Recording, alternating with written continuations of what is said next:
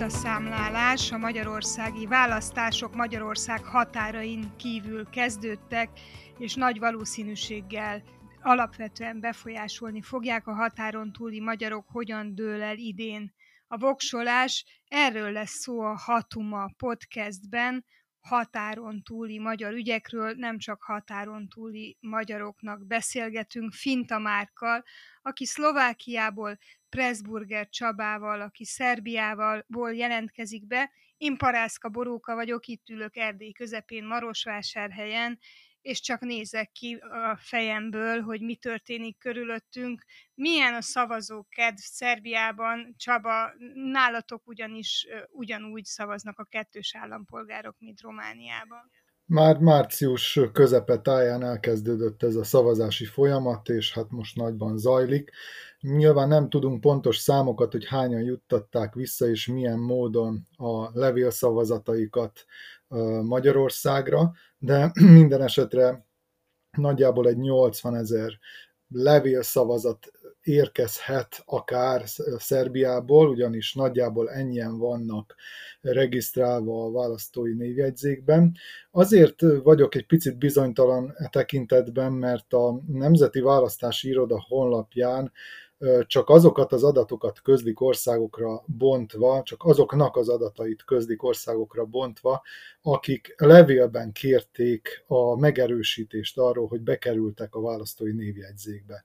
És ilyenből Szerbiában 68 ezer van. De fölhívnám a, a, a hallgatóknak is a figyelmét arra, hogy van egy olyan tétel ezen a listán, hogy 149 ezer, tehát közel 150 ezeren vannak olyanok, akik azt kérték, hogy e-mailben értesítsék őket arról, hogy fölvették őket a választói névjegyzékbe, tehát mindannyian határon túli szavazók, de nem tudjuk pontosan, hogy melyik országhoz tartozni, tehát hogy melyik országból fogják küldeni a, a szavazataikat. Számomra ez egy borzasztó furcsa helyzet, és nagyon érdekesnek tartom, hogy eddig ezzel kapcsolatban a média sem különösebben foglalkozott. Vajdaságban most, ami igazán fölborzolta úgymond a kedélyeket, az az volt, hogy a, az itteni legnagyobb párt, a Vajdasági Magyar Szövetség aktivistái már nem csak abban kínálják fel segítő szándékukat a polgároknak, hogy hát kitöltsék helyesen ezeket a, ezeket a szavazólapokat, illetve a, a mellékelt regisztrációs űrlapot, hanem abban is, hogy ezeket ugye célba juttassák, ami különböző módon történhet, elviszik a, a nagykövetségre, vagy összegyűjtik és, és valami módon, más módon juttatják el a Nemzeti Választási Irodához. Viszont ami újdonság ilyen tekintetben, hogy az idén már lényegében VMS aktivisták viszik ki ezeket a levélcsomagokat a, a megadott címekre a polgároknak. Tehát nem a postával jut el hivatalos módon az a levélcsomag, hanem a, a párt aktivistái által. Na most persze formálisan nyilván nem a, a VMS-t bízta meg a posta azzal, hogy kivigye ezeket a levélcsomagokat, hanem egy hát civil szervezetet, történetesen a, a CMH irodák hálózatát, amely hát legalábbis, hogyha nagyon enyhén akarok fogalmazni, akkor azt mondom, hogy egy VMS közeli civil szervezetről van szó, tehát egy olyan szervezetről, amely a különféle magyarországi támogatások elosztásával volt megbízva az elmúlt években, és hát természetesen nincs annyi úgymond kispostása, aki kihordhatná ezeket a levélszavazatokat, tehát föltételezhetően ők is valamilyen szerződéses formában bíztak meg embereket azzal, hogy ezeket a levélszavazatokat a címekre kiuttassák, és hát ugye hová nyúlhattak volna máshová, mint a, a, a partner szervezetük a VMS-hez, a, amely viszont rendelkezik ilyen aktivistákkal. Úgyhogy ennek a regularitásáról folyik itt a vita, és a média, független média próbálja kideríteni azt, hogy egyáltalán hogy kerülhetett erre sor, például a Nemzeti Választási Iroda tud -e erről, tudott-e arról, hogy nem a postával fog Szerbiában eljutni a választói levélcsomag a választókhoz, hanem tulajdonképpen civil szervezet által, amely egy párthoz van bekötve, és hát most azt találgatja mindenki, hogy vajon ezt központilag Budapesten szervezték, vagy egyszerűen csak itt valaki túlbuzogta magát, és ez egy vajdaságikum, úgymond. Nagyon hasonló folyamatok zajlanak Romániában és Vajdaságban, úgyhogy én, én azt vélelmezem, hogy itt nem egyéni szinten, helyi szinten dőltek el a dolgok, hanem volt egy központi stratégiai döntés, és ide tartozik az is, hogy a helyi politikai szervezetek aktivistái megkeresik a választókat, hogy begyűjtik a szavazólapokat, hogy elindult egy kampány Romániában mindenképp, amely média kampány, amelyben arra próbálják rábeszélni a szavazásban résztvevőket, hogy ne bízzák a postára, mert az nem biztonságos hanem adják oda azoknak a szavazólapokat, akik a kitöltésben segítkeznek, Úgyhogy én azt látom, hogy itt, itt egységesen mennek a dolgok. Azt nem tudom, hogy, hogy merült-e fel bárkiben, hogy garanciát vállaljon, hogy ezek a szavazólapok ne sérüljenek, ne jussanak illetéktelen kézbe, ha összevetjük a romániai választásokkal, az önkormányzati választásokkal, a legkisebb falusi polgármester választással is, azért azt látjuk, hogy a biztonsági szabályok, a választás tisztaságát garantáló szabályok sokkal szigorúbbak, mint ez alatt a választás alatt. Nem tudom, hogy ti elképzelhetőnek tartjátok-e már például, hogy egy szlovákiai választáson a, a, a szavazólapokat az csak úgy sétáltassák politikai megbízottak. Jó, hát a sétáltatás az egyetlen normális országban sem fordulhat elő egy választások idején. Erre külön figyelmet kellene fordítani, hogy, hogy ilyen, ilyen ne fordulhasson elő, mert nem tudom, ez is talán valami, bár lehet, hogy az már a veszőparipám, ez a folyamatos posztkommunista országozás, de ez mint hogyha tényleg csak egy itteni betegség lenne, vagy valamiféle néphagyomány, hogy ilyen-olyan módon trükköznek ezekkel a leg, hogy is mondjam, legkézenfekvőbb, legegyszerűbb, legkevésbé bonyolult és legnyilvánvalóbb trükközésekkel. Számomra egyébként ez végtelenül megdöbbentő. Szlovákiában ugye nálunk a levélszavazós díj az, az tulajdonképpen nem létező, illetve tét nélküli dolog. Itt a, azok a kettős állampolgárok fognak valószínűleg levélszavazni, akik vagy nem vallották be a az állampolgárságokat, vagy már akkor kettős állampolgárok voltak, amikor még a Ficoféle ellentörvény nem lépett életbe. Ugye ez 2010-ben történt, azóta ebben nem nagyon van változás, úgyhogy itt tulajdonképpen tényleg elhanyagolható számokról beszélünk, és itt, itt például erről hogy e, ez a jelenség, ez tulajdonképpen teljesen ismeretlen, illetve nem nagyon van ennek semmiféle médiatere. Én legalábbis nem futottam bele semmi ilyesmibe. Csaba, Szerbiában? Nálatok most nem csak magyarországi választásra készültök, hanem helyi választásokra is. Mehetne ez így ugyanígy? Nyilván nem, nem megy így, viszont van egy olyan aspektus a szerbiai választásnak, amely egy picit hasonlatos ahhoz, amit a határon túli magyar szavazókkal kapcsolatban is itt kritikaként felhoztak az elmúlt hetekben és konkrétan a, a Vox turizmusra gondolok. Ilyen tekintetben vannak hasonlóságok, ugyanis ennek alapvetően a Vox turizmusnak Szerbiában, Belgrádban van jelentősége, ugyanis ö, amellett, hogy Szerbiában ö, köztársasági választást tartanak és ö, államfőválasztást, emellett néhány önkormányzatban is tartanak előrehozott választást, például Belgrád, a fővárosban, és itt bizony nagyon nagy esélyekkel indul az ellenzék. És ennek ellensúlyozására azt találták ki a hatalmi körök, hogy a boszniai szerb köztársaságból hoznak olyan polgárokat, és jelentenek be belgrádi címekre, és ez ilyen tömegesen történik, tehát buszokkal hozzák az embereket, akik aztán majd természetesen a megfelelő módon szavaznak Belgrádban, és ezzel befolyásolják a választást. Tehát Ilyen tekintetben látok hasonlatosságot, viszont más, más szempontból, tehát ilyen levélszavazással kapcsolatos kapcsolatos visszaélésekre nem, nem lehet számítani, egyszerűen nincs, nincs is ilyen opció. Hogy reagálnak az emberek ez, magára a választásra, a választáson való részvételre, a kisebbségi pártok és egyházak bevonására? Hiszen itt nem csak az erdélyi politikai pártok vesznek részt a kampányban, hanem nagyon határozottan az erdélyi egyházak is. Én azt érzékelem, hogy egyrészt nagyon csodálkozik mindenki ezen a készségességen, nagyon sokakban van gyanú, hogy mi lesz a szavazólappal, és a, ami egészen különös jelenség, hogy nagyon sokan jelent, jelezték nekem is, meg így látom a közösségi médiában terjedni, hogy úgy kaptak ö, ö, szavazózásra feljogosító levélcsomagot, hogy nem is igényelték azt. Úgyhogy ö, érzékelek némi zavart, fe, mindenképpen feszültséget, és tanácstalanságot, hogy hogy lehet elé, eljárni. Csaba, nálatok milyen a rege, re, reakció erre a készséges segítségre a szavazás alatt?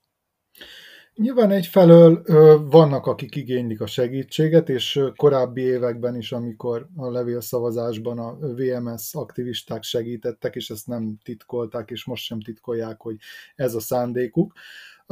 Nagyon sokan megörültek ennek, valóban mm, tarthattak attól, hogy esetleg valamit elrontanak a, a, a mellékelt űrlap kitöltésekor, nem megfelelően adják meg az adataikat, vagy nem a megfelelő borítékba teszik a, a szavazólapot, és ebből következően aztán hát érvénytelné válik a szavazatuk. Tehát itt mégiscsak a levélszavazás az egy picit bonyolultabb folyamat, mint az, hogy elmegyek és az urnába bedobom a szavazólapomat, ami egy opciót megjelöltem.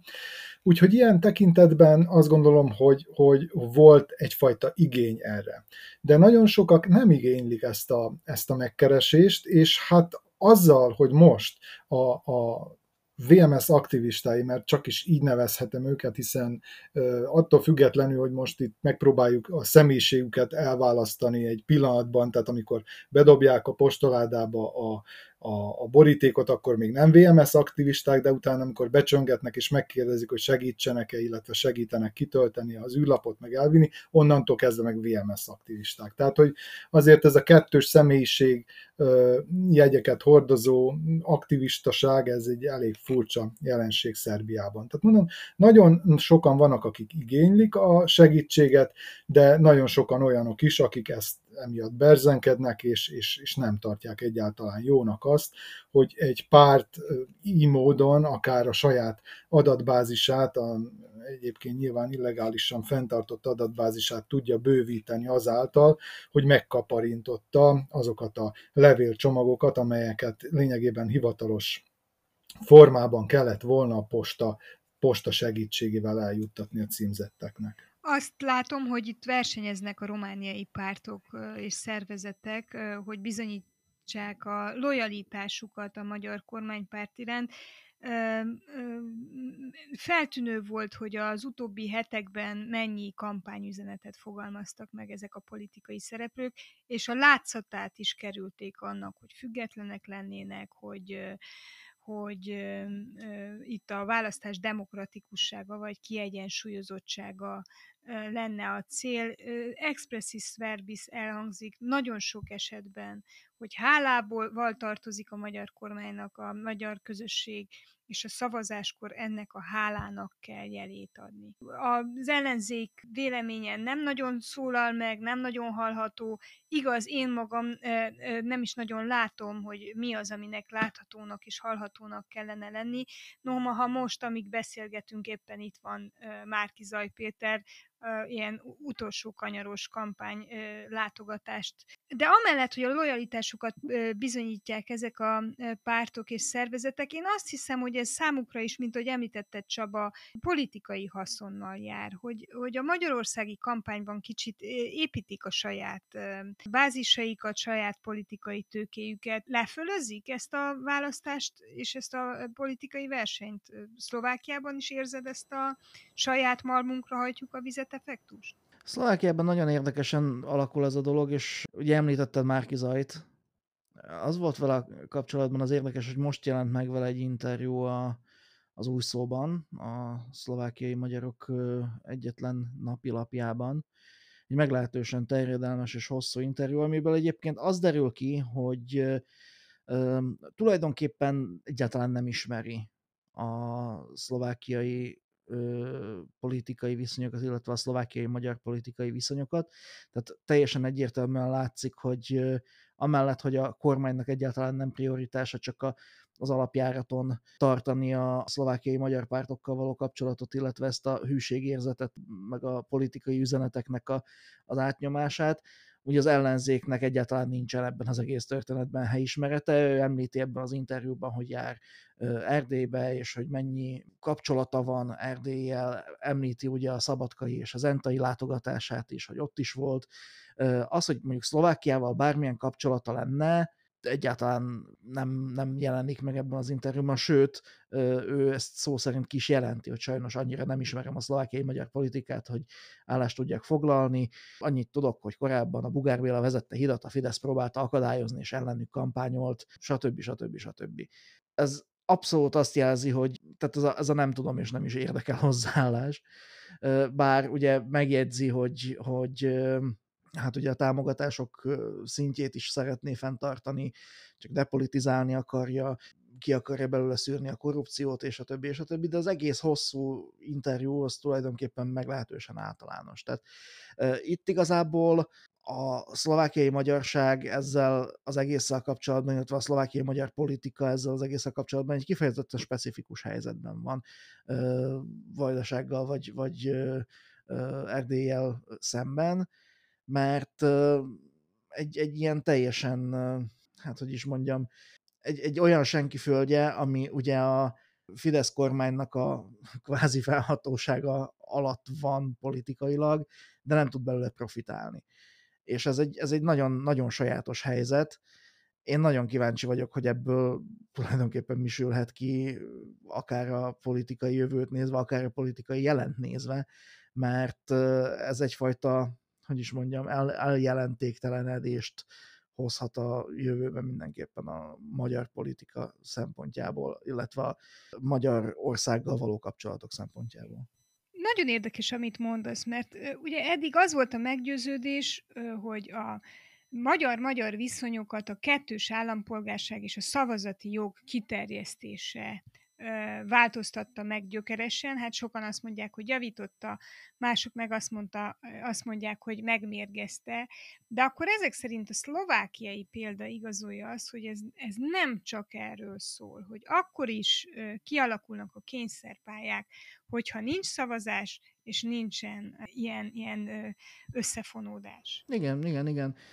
És ez lát, látszik is. Igazából arról van szó, hogy Erről már többször, többször beszéltünk is, hogy emögött egyet, egyértelműen kirajzolódni látszik az a térfoglalás, amit a, a magyar kormánypolitika a saját nemzetpolitikai ö, céljain keresztül megvalósítani szándékozik. Tehát ez egy ö, tulajdonképpen egy indirekt ö, befolyás a szlovákiai politikai életre, ami nyilvánvalóan a, a magyar kormánynak egyfajta előnyt jelent, csak vannak olyan helyzetek, és ez is mondjuk egy olyan helyzet, amikor abszolút nem lehet vele élni, mert hát ugye alapvetően a, a magyar politikai képviselet jelen pillanatban nem vesz részt a ö, szlovák parlamenti politikai életben, tehát nincs döntéshozói ö, pozícióban, és jelen pillanatban mondjuk a felméréseket nézve nem is nagyon tart arra felé, tehát továbbra is És a mennyire írod te a magyar-magyar viszonyok számlájára?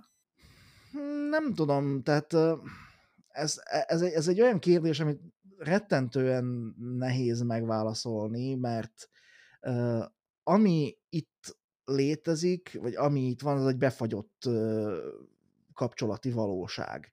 Tehát uh, nincsenek direkt vagy nyilvánvaló jelei annak, hogy itt valamiféle konkrétumokra rá lehetne mutatni, hanem minden valamilyen módon a háttérben zajlik, illetve azok a megnyilvánulások, amik előjönnek, azok tulajdonképpen egyéni szinten nyilvánulnak meg, tehát politikus egyéniségek mondják bele a nagyvilágba, és egy kommunikációs politikáról van szó, és nem valami gyakorlati dologról, ami, ami, ami teljes mértékben és nyilvánvalóan a felszínen van. Tehát borzasztóan bele lehet zavarodni ebbe az egészbe.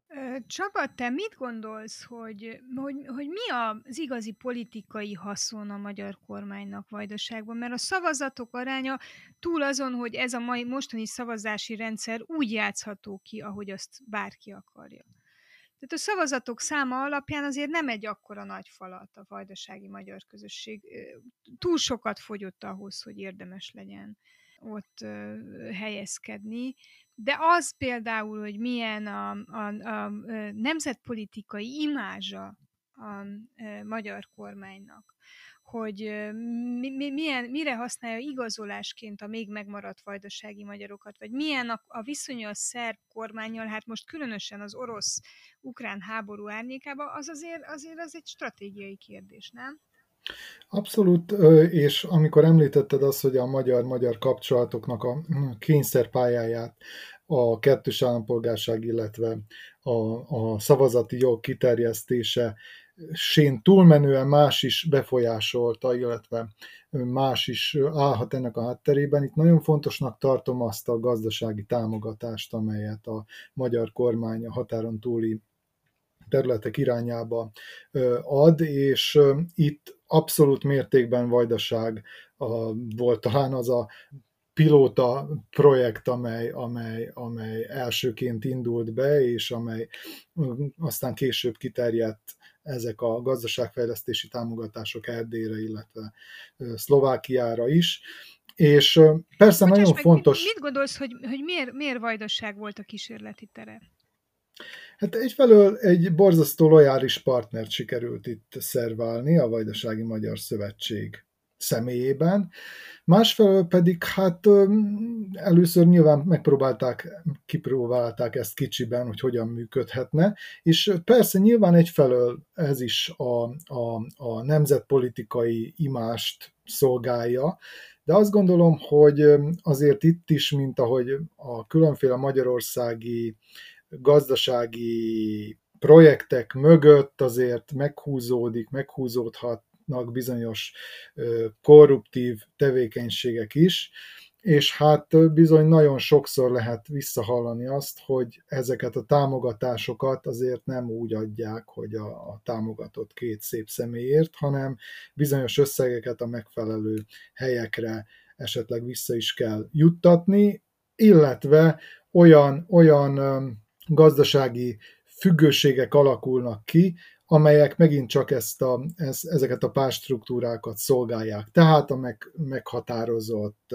beszállítóktól kell rendelni, és, és a meg, meghatározott kivitelezőkkel kell lebonyolítani a, a beruházást. Szóval ilyen dolgok is meghúzódnak a háttérben, és hát ugye erre vannak egyéb nemzetközi példák is, amikor valaki úgy ad hitelt, vagy vissza nem térítendő támogatást, hogy azt kéri cserében, hogy, hogy a, a saját emberei bonyolítsák le, vagy, vagy, vagy vigyék véghez ezt a, ezt a, ezt a beruházást. Tehát itt is megfigyelhetők hasonló jelenségek. Tehát azt gondolom, hogy nem csak és kizárólag a, a nemzet politika imázsát szolgálják ezek a, ezek a gazdaságfejlesztési támogatások, hanem itt vannak, vannak egyéb, nem biztos, hogy ö, hát legális hátterű dolgok is mennyire figyel erre a szerb állam?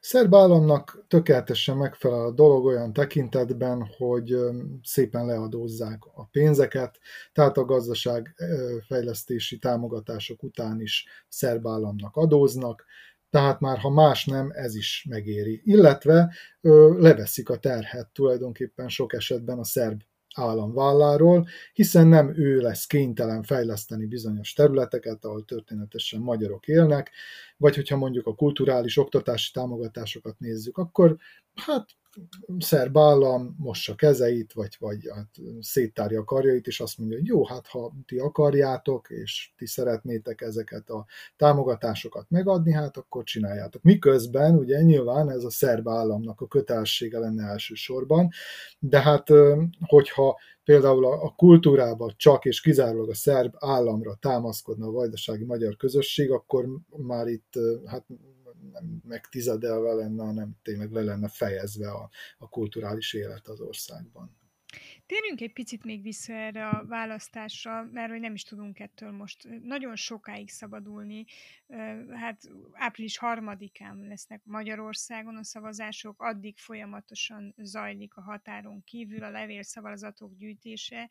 Én azt látom Erdélyben, hogy nagyon erős visszajelzések jönnek Magyarországról, nagyon negatív az ellenzéki szavazók részéről a határon túli magyarok megítélése, nagyon éles sértések hangzanak el. Ti érzitek ezt, a, ezt az ostromállapotot? Láttok-e magatok körül arra vonatkozó kísérletet, hogy enyhítsék ezt a társadalmi növő konfliktust, vagy van-e erre bármiféle eszköz, és, és mi, mi lehet ennek a perspektívája? Meddig fog ez, ez a... És azt hiszem, hogy ezt Szlovákiában is érzitek, annak ellenére, hogy, hogy, hogy nem szavaznak a szlovákiai magyarok. Érezni ezt lehet nagyon régóta egyébként, tehát az, hogy ez olykor fokozódik, ez, ez egyáltalán nem újdonság. Az, hogy nagyon gyakran beliállnak a határon túli magyarokba, a hétköznapi kapcsolatok szintjén az emberek, az is, az is nagyon gyakran előfordul.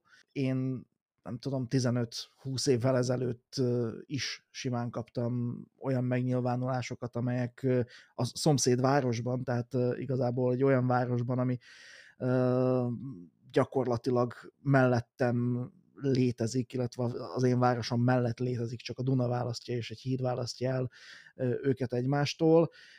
Olyan megnyilvánulásokat, amik egyrészt a határon túli magyarság fogalmának a teljes hogy is mondjam, tévúton való értelmezéséből fakadnak, és másrészt pedig a hétköznapi ember zsigeri xenofóbiájának az abszolút megnyilvánulásai. Az, hogy ezek valamilyen formában visszatérnek, vagy, vagy, vagy előugranak, azok bármilyen hétköznapi helyzetben elő tudnak jönni. Hát annak idején, amikor Dél-Komáromban Hát, vagy a Magyarországon, a magyarországi Komáromban megnyílt az ipari park, és ide költözött több nagy cég, akkor Szlovákiából is nagyon sokan kezdtek át járni, dolgozni, és ezek a, ezek a tényleg magyar-magyar kapcsolatok is nagyon-nagyon gyorsan el tudtak mérgesedni, és tényleg ez a, az Elveszik a munkát című felkiáltástól a határon túli magyarok nem tudnak dolgozni felkiáltásokig, tényleg az abszolút primitív, zsigeri agresszióba átváltó megnyilvánulásokig tartottak. Tehát ezek, ezek ilyen szempontból nem, hogy is mondjam, nem, nem újdonságok azok számára, akik esetleg ezt már tapasztalták. Nyilvánvalóan a fiataloknál ez másképpen csapódik le, tehát azért még mindig szintén az, az összes határon túli magyar ismeri ezt a helyzetet, hogy hogyan tanultál te meg ilyen szépen magyarul, amikor mondjuk Magyarországon jár, mert, mert egyszerűen nem tudják róluk elképzelni, hogy, hogy határokon túl is élnek magyarok, vagy magyar anyanyelvű emberek. Az, hogy ezt valaki politikai programmá tudta emelni a háttérben, az igazából kettő múlik. Tehát az múlik egy, egy olyan politikusi megfontoláson, amely kifejezetten rossz indulatú, és múlik egy olyan köze, közegen, amely erre kapható. Márpedig a, a magyar társadalom ezekre a dolgokra kifejezetten kapható. Láthatjuk azt is, hogy mekkora kettősség uralkodik például azzal kapcsolatban, ahogy a, az ukrajnai menekültekhez viszonyulnak a, az emberek. Az emberek egyik fele hihetetlenül segítőkészen áll hozzájuk, és, és tényleg abszolút döbbenetes összefogásokban testesül meg az, ahogy segíteni akarnak. A másik oldalon meg megjelenik az a, a, a végtelenül primitív hozzáállás, hogy valaki, tudom én, oda kommentel egy menekülteket segítő poszt alá, hogy minek nekik csoki tojás, hogyha most nekik a legfontosabb az a kenyér meg a víz, és hogy minek, minek adtok nekik csoki tojást, meg ide jönnek a, ezek a szegény emberek, aztán a másik oldalon meg az van, hogy látták őket valamilyen bevásárlóközpontban bevásárolni, és hogy, hogy nem olcsó dolgokat vettek, és hogy ezek valószínűleg megint csalók. Itt összeér az alapvető zsigeri xenofóbia azzal az évekig tartó kondicionálással, ami a menekültek ellen hangolta a magyar közvéleményt, és ebből, ebből a tőből fakadónak látom én azt is, ahogy nagyon gyakran ezek az emberek a határon túli magyarok felé fordulnak. Mindenképpen fogunk még erről a menekült helyzetről beszélgetni, mert ez nagyon fontos témája a mindennapjainknak, és azt is meghatározza, hogy hozzánk kisebbségiekhez is általában a kisebbségekhez hogyan viszonyulnak, de nem engedném el azt a jelenséget, hogy szerintem ez a kampány, ez fokozta, radikalizálta a kisebbséggel szembeni, a határon túli magyar kisebbségiekkel szembeni fellépést, hogy olyan beidegződések, előítéletek jelentek meg, amelyeknek ha volt is előképe, és mindennek van, azért nem volt ennyire durva, nem volt ennyire leszámolás alapú. Csaba, te emlegetted többször Márki Zaj zombi szavazók kifejezését. Most látom, hogy Marosvásárhelyen is megismételte ezt, és, és bár értem, hogy mit akar ezzel mondani, és elfogadom, sőt, fel is háborít, hogy, hogy választási csalás történhet már nem élő szavazópolgárok adatainak a felhasználásával. Mégis úgy vélem, hogy ez, ez egy olyan kampányfogás, ami, ami csak árt most, és növeli a feszültséget, és, és, és bevezet olyan szlenget, ami vissza ütni. Hogy látod ezt a, hogyan beszélünk egymással, Csaba? Igen, hát konkrétan ez a zombi, zombi hadsereg, vagy nem tudom minek nevezik.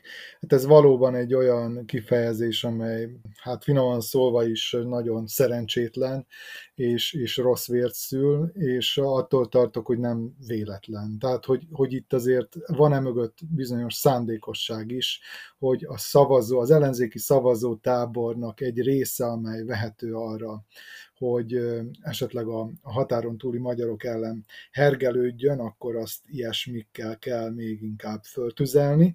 Én egyébként korábban is ettől tartottam, hogy a, az ellenzék, hogyha hatalomra kerül, esetleg nem fogja megregulázni azt az egyébként táborukban meglehetősen erős vonalat, amely a határon túli magyarok ellen irányul, és, és esetleg még akár szítja is az indulatokat, és mi határon túli magyarok leszünk a, az új hatalomnak már amennyiben persze az ellenzék győzött volna, vagy győzne, a, a, a migránsai, akikkel lehet különféle módon manipulálni, és, és, és a, a tábort úgymond föltüzelni. És most az látszik, hogy ezek a kijelentések, amelyek Márki Zajszáját is elhagyták, de akár korábban is, amikor a, a, a DK részéről voltak hasonló megnyilvánulások, ezek bizony ezt, ezt szolgálják, még ha akaratlanul is, bár én nem nagyon hiszek abba, hogy itt ne lenne ez akár átgondolt stratégia, sajnos. Hogy lehet ezt ennek elejét venni, vagy nem tudom, mi, mi a felelőssége? Nekem ez egyik, egyik leg, legnagyobb bajom a jelenlegi helyzettel, hogy, és azzal, hogy az RMDS elkötelezte magát politikailag, hogy, hogy nem, nem tudja ellátni az alapvető érdekvédelmi feladatát. Egyszerűen e, egy ilyen lojalit, Fidesz iránti lojalitással nem tud hitelesen úgy fellépni, mint bárkinek a tárgyalópartnere, nem, nem tud az egész erdélyi magyar közösség nevében beszélni, és egyszerűen nem tud, nem, nincs eszköze arra, hogy, hogy rávegye mondjuk az ellenzéki pártokat arra, hogy méltányosan járjanak el, hiszen ők azt mondják, hogy né, hát mi az életünkért küzdünk, egzisztenciális tétje van a, jelenlegi választásoknak, és ha velünk szemben minden eszközt be lehet venni, vetni a méltánytalan, átláthatatlan, transzparencia hiányos választásoktól a lejárató kampányokig, akkor, akkor mi is ezzel fogunk élni. És innentől kezdve passz, nem tudom, hogy, hogy mit lehet kezdeni. Tehát valahol valakinek el kellene indítani egy, indítani egy etikus folyamatot, ha, ha ennek van bármilyen módja. Már. Az az érdekes, hogy én nem látom a direkt politikai célját annak, hogy valaki a határon túli magyarok ellen hergeljen. Tehát ahogy beleolvastam ebbe a Márkizai interjúba, ő például arról is beszélt, hogy szerinte fenn kéne tartani azt a támogatási volument, amivel jelen pillanatban a magyar kormány a határon túli magyarokat támogatja, csak depolitizálni kell, és meg kell fosztani a, a korrupciótól. Tehát, de bocsáss meg, hogy közbeszólok, de ezzel ugyanazt üzeni, mint a ö, negatív kampány, hogy a határon túli magyarok pénzért szavaznak. És ugyanazt üzeni, mint a Fidesz, és tulajdonképpen a teljes magyar politikai elit meg van győződve, hogy a határon túli ö, magyarok tartják a markukat. Igen, de a másik oldalon viszont az van, hogy azt azért tudni lehet, hogy például Szlovákiában is tehát benne van a levegőben az, hogyha a magyar pénzektől elvágódnak, tehát leválnak ezek a kulturális szervezetek, akkor nagyon-nagyon nehezen fogják tudni ezt mondjuk szlovák forrásokból pótolni, és erre nincs is igazán törekvés. Tehát a, a függőségi rendszer az már ilyen szempontból olyan úgy kiépült, és annyira be van állva, hogy etablálódott ez az egész, hogy igazából nem tudom, hogy van-e politikai realitása mást mondani mondjuk az ellenzék részéről, hogyha bármilyen módon is, akár felszínes módon is meg akarja szólítani ezeket az embereket.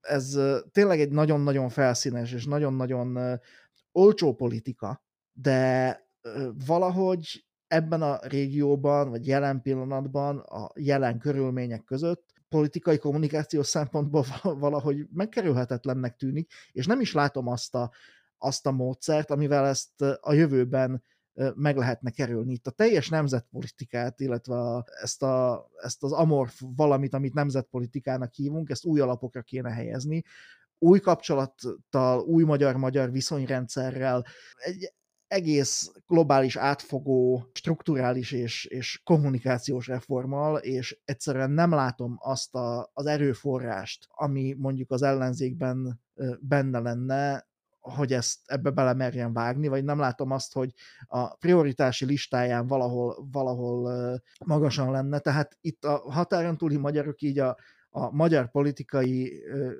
kommunikáció, illetve a magyar belpolitikai harcok szempontjából nagy valószínűséggel járulékos veszteségnek számítanak, és nem csak az egyik, hanem a másik oldalon is. De akkor az az abszurd helyzet alakul ki, hogy miközben azért a választások kimenetelére alapvető befolyással vannak ezek a közösségek, nem csak a számszeri arányuk miatt, vagy elsősorban nem a számbeli arányuk miatt, hanem a választási rendszer miatt, miközben a teljes magyar politikát meghatározza az, hogy mit nevezünk eufemisztikusan nemzetpolitikának, vagy nemzeti politikának, vagy kisebbségi politikának, tulajdonképpen ennek a mélyén nincs sem nemzet, sem kulturális, sem etnikai, sem kisebbségpolitika. Pontosan.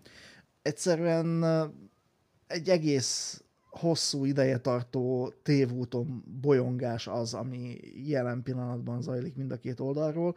Azzal a különbséggel, hogy a Fidesz ezzel a határon túli magyar mondjuk így mitológiával, e, vagy ebben az egészben felismerte azt, hogy hogyan tudja ezt valamilyen módon a napi politikai hasznára, vagy esetleg talán a stratégiai politikai hasznára fordítani azt, hogy befolyással rendelkezik a környező országokban.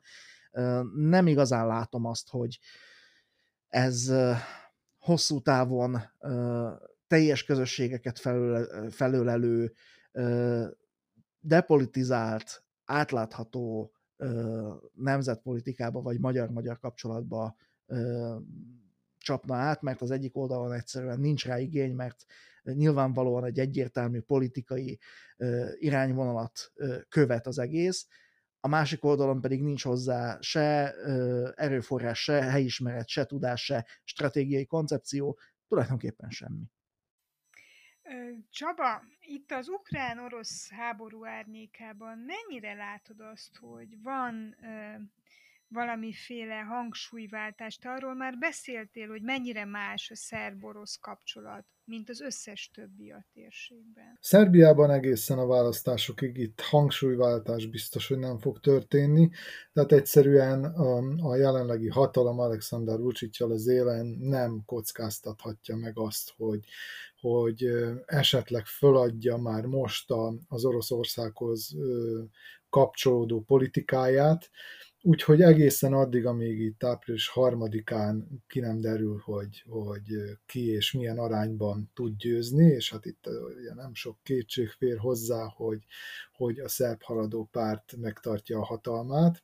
Egészen addig ez a, ez a, politikai hangsúlyváltás nem fog bekövetkezni. Na, nyilván Szerbiában hát minden gazdasági racionalitás az diktálná, hogy az Európai Uniós, illetve a nyugati viszonyulást kövesse, hiszen egyszerűen a, a, a gazdasági kapcsolatokat annyira átszövi ez a térség, hogy, hogy nem, nem lehet most azon gondolkodni, hogy ettől eltérjünk, vagy esetleg azt megkockáztassuk, hogy, hogy úgy vonulnak ki vállalatok az országból, hogy több tízezer munkahely szűnhet meg.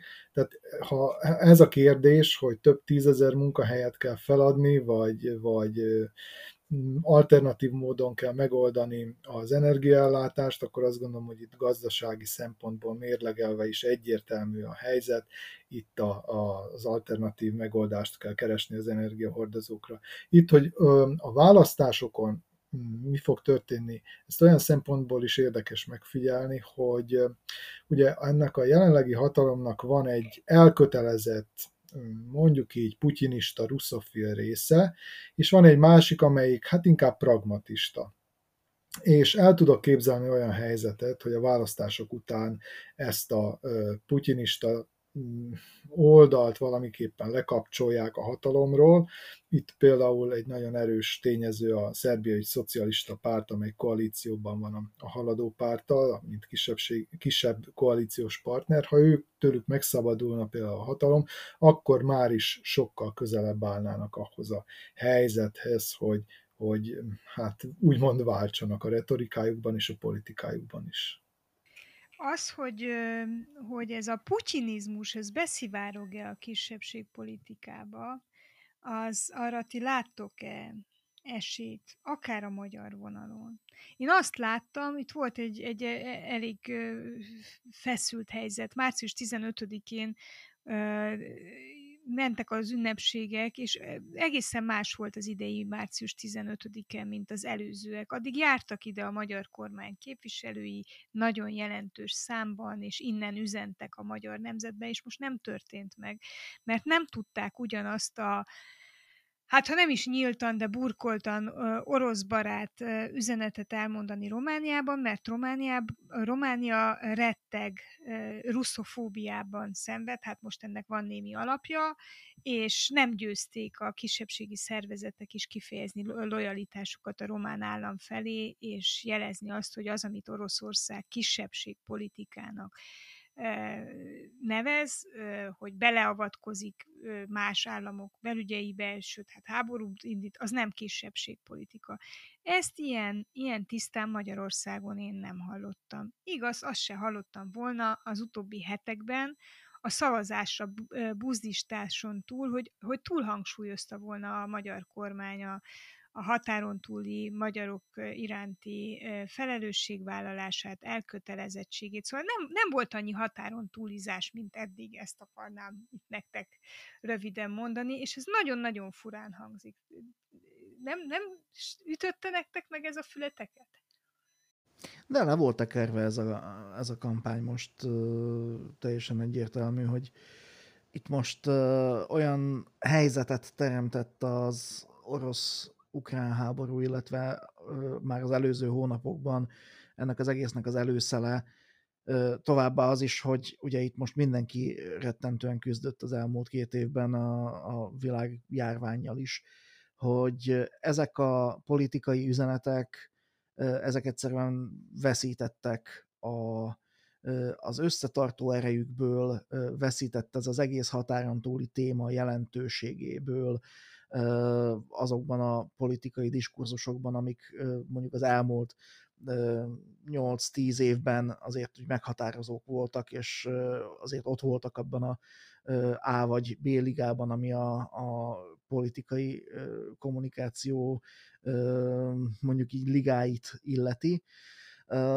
Most egészen más kihívásokkal szembesül ez az egész régió, és egészen más kihívásokkal szembesültek a, a magyarországi magyarok is, és a határon túli magyarok is, és ezek a témák, ezek fokozatosan az évek során tényleg elvesztették a, egyrészt a túlhangsúlyozottságuk miatt, másrészt pedig most tényleg volt, volt, volt más dolga is az embereknek.